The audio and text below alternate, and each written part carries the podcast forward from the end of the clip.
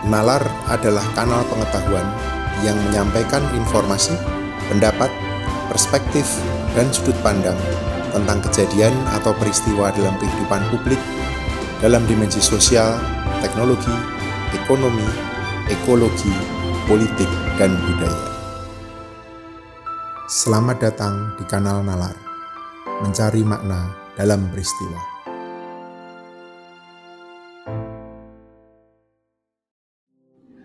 Saudara-saudara, sepanjang tahun 2020 dan kini kita sudah menghidupi beberapa waktu di tahun 2021. Tema besar dari hidup kita adalah ketidakpastian. Tidak ada yang mengira di awal tahun 2020 hidup kita akan berubah seperti itu karena virus COVID-19. Memang sekarang sudah ada vaksin, tapi kita juga tidak tahu kapan vaksinasi akan benar-benar selesai, kapan pandemi ini benar-benar bisa kita kendalikan. Jadi nampaknya kita masih akan terus hidup dalam ketidakpastian. Ada satu terminologi yang awalnya muncul dari ranah militer, memetakan, mengidentifikasi tantangan-tantangan dalam hidup. Terminologi ini disebut dengan fuka. Kali ini kita akan mencoba membahasnya, melihat apa itu fuka, bagaimana kita hidup di dalam dunia yang mendapatkan karakteristik fuka ini. Dan seperti apa kita mesti menanggapi. Fuka, empat huruf, V. U, C dan E. V. Volatility. Sesuatu disebut dengan volatile karena ia bergejolak. Jadi, volatility adalah terkait dengan sifat dinamika dan kecepatan perubahan. Gaya dan katalis perubahan itu sendiri. Nah, apa tantangan dalam situasi yang volatile ini? Apa tantangan dalam keadaan yang dipenuhi atau berada dalam keadaan yang bergejolak ini? Kecepatan perubahan lebih cepat dan pesat dibandingkan kemampuan kita untuk merespon atau menanggapi. Jadi, meningkatnya kecepatan perubahan menuntut percepatan pengambilan keputusan. Perubahan terjadi dalam skala yang besar dan seketika. Karena itu, respon yang dituntut bersifat segera. Dalam keadaan seperti ini, pemimpin biasanya gelagapan, tertekan, gelisah, tidak siap memimpin dengan efektif. Karena itu, struktur komando dan kontrol biasanya juga tidak berfungsi dalam lingkungan yang terdisrupsi dan berubah dengan cepat. Tantangan bagi pemimpin dalam keadaan ini adalah untuk merespon dan mengelola perubahan dengan lebih efektif. Bergeser dari reaktif terhadap perubahan menjadi lebih proaktif menanggapi perubahan. Berikutnya, U, uncertainty. Uncertainty atau ketidakpastian adalah keadaan di mana tidak ada prediktabilitas. Bahkan atas kemungkinan adanya kejutan. Tidak ada kesadaran dan pemahaman tentang masalah dan peristiwa yang terjadi. Dalam keadaan yang uncertain ini, dalam keadaan yang tidak pasti ini, sulit untuk mengerti, apalagi mengambil kendali atas apa yang sebenarnya sedang terjadi. Terlalu banyak noise informasi, tapi tidak cukup banyak signal. Sulit untuk memahami rangkaian kejadian atau peristiwa. Ada istilah connecting the dots, sulit itu dilakukan. Untuk mengerti apa yang sebenarnya sedang terjadi ini. Apalagi mengantisipasi apa akibatnya nanti. Dalam keadaan seperti ini, pemimpin dituntut untuk bertindak atas dasar informasi yang tidak mencukupi atau tidak lengkap. Karena itu, pemimpin biasanya mengandalkan pada hal-hal yang dulu berhasil di masa lalu dalam situasi ketidakpastian yang lain. Itu jadi referensi untuk tindakannya sekarang. C. Complexity. Complexity atau kompleksitas didefinisikan sebagai sebuah keadaan di mana ada kondisi rumitnya gaya atau penentu, rancunya masalah, kekacauan serta kebingungan yang dialami oleh sebuah entitas. Bisa organisasi, bisa keluarga, bisa kelompok, apa pun. Seperti apa tantangan dalam situasi yang diwarnai dengan kompleksiti ini. Pertama, kesulitan dalam bertindak dan mendorong perubahan yang diperlukan untuk menanggapi kaitan-kaitan yang kompleks atas berbagai masalah, apalagi kekhawatiran. Kompleksitas juga meningkat, membuat makin sulit kita mengetahui dari mana harus mulai mendorong perubahan itu sendiri. Itu tantangan yang paling mendasar dalam situasi yang kompleks, dalam kompleksiti ini. Tindakan mitigasi tidak mengatasi akar masalah, tapi hanya mengobati gejala.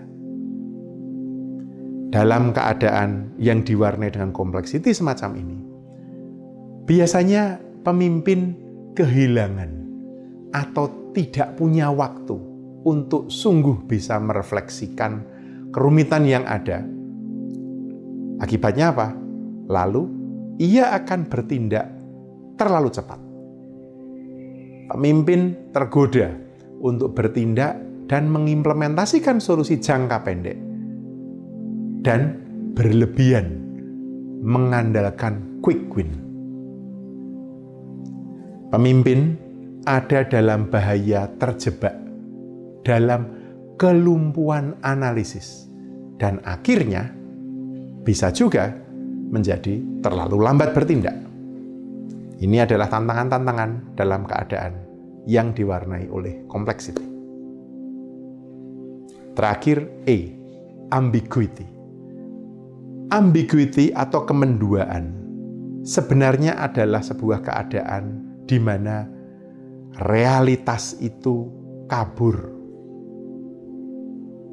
Potensi salah memahami itu terjadi karena kaburnya realitas tadi. Bercampurnya makna dari situasi. Bingung melihat sebab atau akibat. Inilah karakteristik situasi yang ambigu. Dalam keadaan seperti ini, sering kali yang terjadi adalah kegagalan kita memahami pentingnya sebuah peristiwa. Ada risiko yang tinggi untuk salah atau keliru dalam menerjemahkan dan memahami kejadian-kejadian. Akibatnya, tanggapan atau respon tidak memadai meskipun terlihat efektif. Dalam keadaan yang diwarnai oleh ambiguity ini, pemimpin biasanya terlalu jauh terlempar dari sumber dan konteks berbagai peristiwa. Maka ia akan bertindak berdasarkan pemahaman yang terbatas atas kejadian-kejadian dan makna atau arti yang dia bisa pahami. Nah, saudara-saudara, lantas mengapa penting kita memahami fuka ini? Setidaknya ada dua konteks. Pertama adalah konteks global, kedua adalah konteks nasional. Dalam konteks global, kita tahu bahwa dunia kita sedang bergejolak di mana pun. Krisis sosial, politik, lingkungan, ekonomi terjadi, apalagi ditambah dengan pandemi ini. Itu konteks pertama. Konteks kedua adalah munculnya apa yang selama ini disebut dengan revolusi industri keempat, Industrial Revolution 4.0. Bahkan Jepang mengatakan munculnya masyarakat atau society 5.0 Kemunculan teknologi ini membawa perubahan bukan hanya dalam corak interaksi manusia, tapi bagaimana manusia berproduksi bagaimana manusia menjalankan fitrahnya sebagai makhluk hidup di dunia ini. Harvard Business Review menunjukkan bahwa peningkatan produktivitas tidak serta-merta dibarengi dengan peningkatan kesejahteraan. Peningkatan produktivitas karena teknologi ternyata tidak seiring dengan tumbuhnya lapangan pekerjaan. Memang ada risiko bahwa teknologi yang makin canggih menghapus sejumlah pekerjaan manusia. Meskipun tentu saja ada banyak peluang lain juga yang muncul di sana. Saya sudah membahas ini dalam beberapa episode yang lalu. Konteks yang lain adalah urbanisasi. Dunia kita makin mengurban, suka atau tidak suka. Dan urbanisasi ini akan mengubah cara manusia hidup. Dampak yang terkait langsung adalah pemanasan global, perubahan iklim. Manusia sudah bekerja membangun selama ini, tetapi caranya membangun sudah melampaui kapasitas bumi sudah pada tahap yang membahayakan. Karena itu, konteks terakhir adalah munculnya Sustainable Development Goals atau tujuan pembangunan berkelanjutan. SDG ini mau mengkoreksi cara kita membangun. Kalau dulu dalam MDGs, Millennium Development Goals, kita tahu ada tiga pilar, sosial, ekonomi, dan lingkungan dalam SDGs ada lima dimensi, bukan hanya pilar, tapi dimensi. Lima dimensi itu adalah people, manusia, dua, planet, tiga, prosperity, kesejahteraan, bukan hanya profit. Keempat, peace, perdamaian, dan kelima, partnership. Bagaimana dengan konteks nasional? Di Indonesia saat ini kita punya 270 juta penduduk. Kita membangun dengan amat baik. Setidaknya sampai dengan sebelum krisis karena pandemi COVID-19, kita tumbuh dengan stabil sekitar 5%. Pengangguran bisa kita tekan di bawah 5%. Inflasi bisa kita tekan di bawah 3%. Kemiskinan bisa kita tekan untuk pertama kalinya dalam sejarah di bawah dua digit. Sekitar 9,3-9,5 persen. Capaian pembangunan kita beragam. Infrastruktur, kesejahteraan, dan lain-lain. Memang pandemi COVID kemudian lalu memporak-porandakan hasil pembangunan tersebut. Kemiskinan kembali meningkat, pengangguran meningkat, dan berbagai hal-hal yang lain.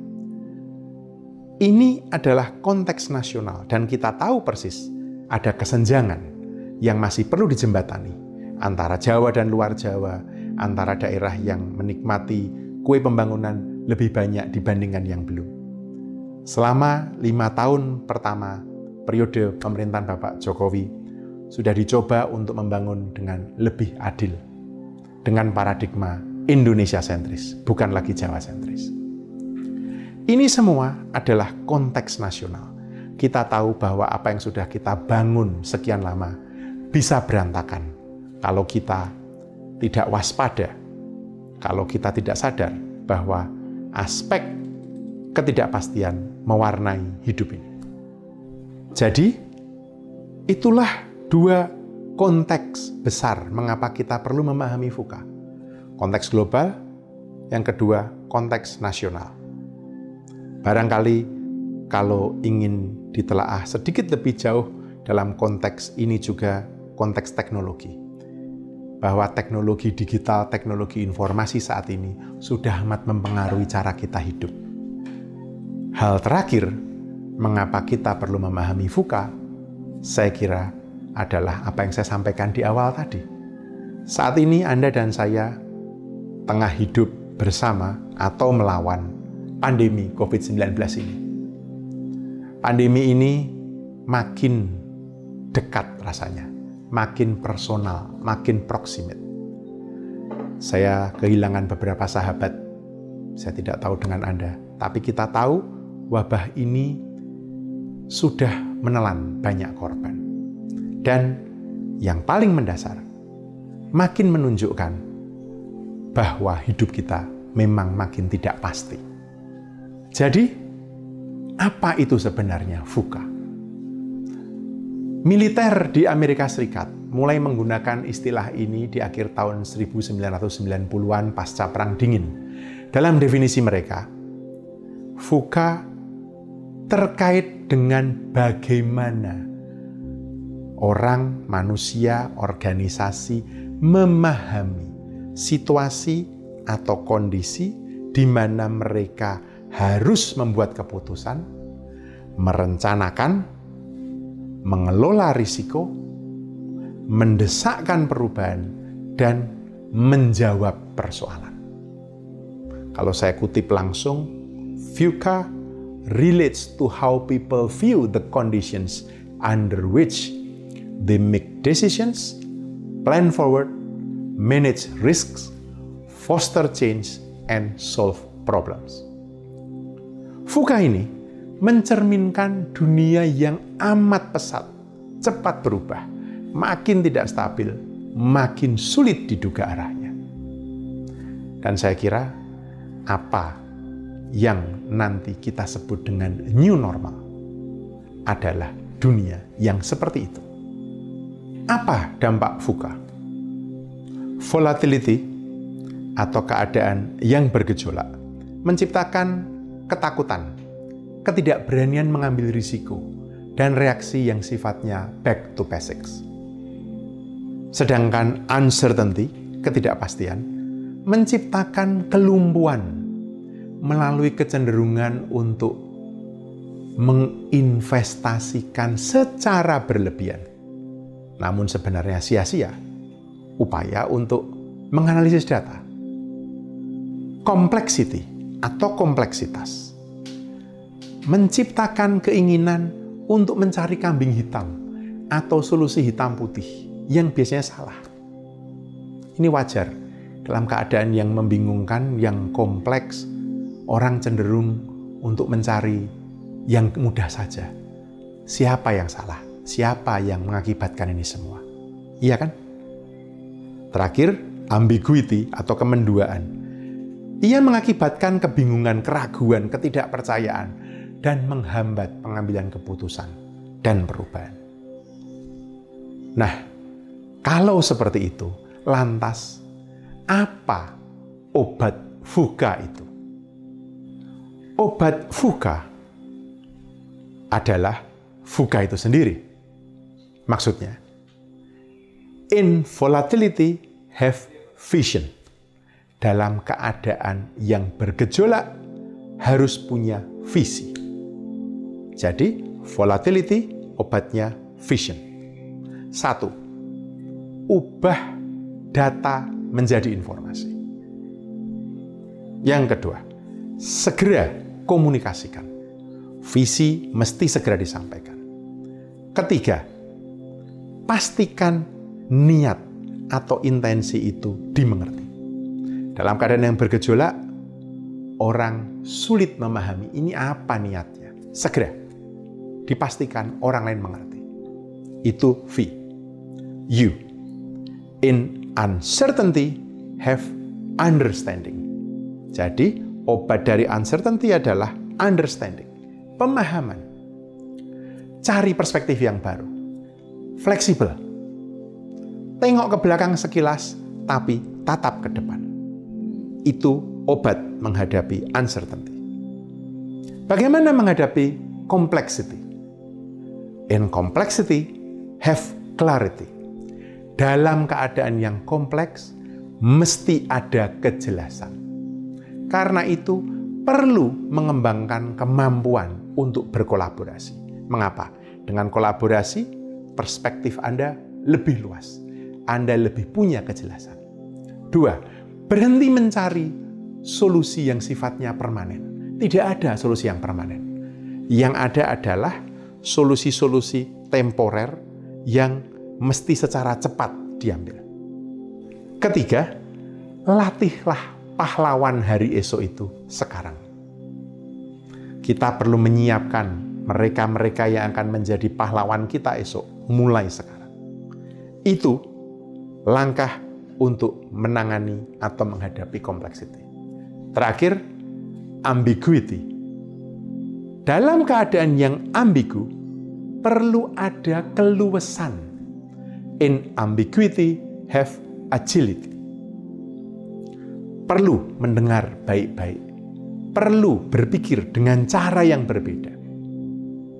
Menyiapkan diri untuk melihat hal-hal secara bertahap. Hasil, output itu juga akan muncul diraih secara bertahap dan luas. Jadi, untuk menghadapi fuka diperlukan fuka. Untuk menghadapi volatility, uncertainty, complexity, dan ambiguity diperlukan vision, diperlukan understanding, diperlukan clarity, dan diperlukan agility. Obat dari fuka adalah fuka. Lantas, ke mana ini membawa kita? Ada beberapa hal yang mesti kita pikirkan baik-baik. Pertama, nampaknya kita mesti memperjelas tujuan apa yang mau kita raih. Kita perlu mengambil waktu untuk merumuskan kembali apa yang sungguh-sungguh penting bagi kita dan apa yang sebenarnya pilihan saja. We need to really take the time to define what is really important to you and to me and what is optional. Tidak semua hal di muka bumi ini penting. Tidak semua hal di muka bumi ini mesti dilakukan. Ada yang opsional. Itu yang pertama. Yang kedua, kita mesti punya peta. Kita mesti punya gambaran ke mana kita mau melangkah agar kita nggak tersesat. Ketika pergi ke sesuatu arah, kita pergi ke satu daerah yang kita tidak tahu sebelumnya. Masa depan adalah daerah yang kita belum tahu. Karena itu, kita perlu punya peta seperti apa kita melangkah di masa depan nanti. Ketiga, kita mesti berani, be brave. Karena rahasia untuk ada di sana lebih dulu dari yang lain adalah berani memulai. Berani memulai lebih dulu. Keempat, kita nampaknya mesti mulai melatih diri untuk belajar menjelajah ke area-area yang kita belum tahu sebelumnya. Cara terbaik untuk mengatasi ketakutan menjelajahi apa yang kita tidak tahu sebenarnya adalah bertindak. Ambil langkah pertama untuk bertindak. Dan Anda akan melihat bahwa sebenarnya area yang tidak kita ketahui itu tidak sebegitu menakutkannya. Kelima, fokus. Harga yang harus kita bayar dengan seluruh kemajuan ini adalah kedangkalan. Anda, kita semua makin heboh menggunakan teknologi, menikmati hidup, dan kita lalu tidak tahu apa yang penting. Fokus. Kita mesti bisa berfokus pada hal-hal yang bisa kita kendalikan. Seringkali kita sibuk menanggapi hal-hal yang kita nggak bisa kendalikan. Jangan terobsesi atas apa yang mungkin terjadi, tetapi fokus pada hal yang bisa Anda lakukan, Anda kendalikan. Langkah selanjutnya, terbukalah dengan kejutan-kejutan. Kejutan itu terjadi kapan saja. Kejutan itu terjadi di mana saja sebenarnya. Bersiap. Bersikap positif. Dan kalau Anda siap dan bersikap positif, Anda akan melihat bahwa banyak hal yang Anda alami itu akan terjadi. Bahkan Anda akan mengalami hal-hal yang selama ini mungkin belum pernah Anda mimpikan. Dan terakhir, terimalah risiko. Risiko memang ada di sana untuk diambil, untuk diterima. Biasanya, sesuatu yang makin besar risikonya juga makin besar hal yang Anda dapatkan. Namun, penting untuk berpikir lebih mendalam bahwa dengan menerima risiko ini, sebenarnya Anda meminimalisir dan menerima apa yang Anda tidak bisa hilangkan dari hidup. Akhirnya, saudara-saudara sekalian, di saat ini kita hidup dalam situasi yang menuntut kita untuk berbela rasa dengan sesama. Satu hal penting menghidupi fuka sudah disampaikan tadi adalah kemampuan untuk berkolaborasi.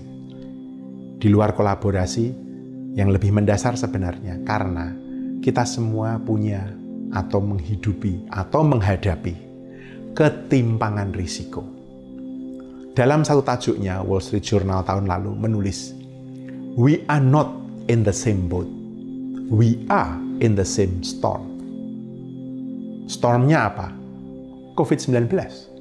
Iya, sebenarnya kita tidak ada pada perahu yang sama. Tapi bukankah kita sama-sama di Indonesia? Itu benar. Tetapi bukankah juga ada yang punya rumah dengan lebih dari tiga kamar sehingga kalau perlu isolasi mandiri lebih mudah. Dan banyak juga saudara-saudara kita yang tinggal di RSSSSS itu. Rumah sangat sederhana sehingga untuk selonjor susah sekali. Yang tidak mungkin isolasi mandiri dilakukan kalau ada satu keluarga yang tertular. Ada yang punya kemewahan untuk bisa tetap bekerja dari rumah. Tapi ada banyak saudara kita yang terpaksa harus keluar rumah untuk bekerja. Jadi, saya kira benar apa yang ditulis oleh Wall Street. We are not in the same boat. Kita tidak ada dalam perahu yang sama. Tapi kita menghadapi badai yang sama. Dunia yang dikarakteristikkan dengan fuka tadi, yang bergejolak, yang tidak pasti, yang kompleks, yang penuh dengan kemenduaan ini. Saudara-saudara, dalam keadaan seperti ini, tidak ada jalan lain kecuali membangun rasa senasib, sepenanggungan sebagai sesama warga negara Republik Indonesia ini. Bahkan lebih luas lagi, sebagai sesama warga dunia. Dunia atau hidup yang diwarnai dengan fuka ini adalah keniscayaan. Tetapi Bagaimana kita menghidupinya adalah pilihan. Terima kasih sudah mendengarkan podcast ini. Semoga kita bisa menemukan makna dan pemahaman yang lebih dalam bersama Natal.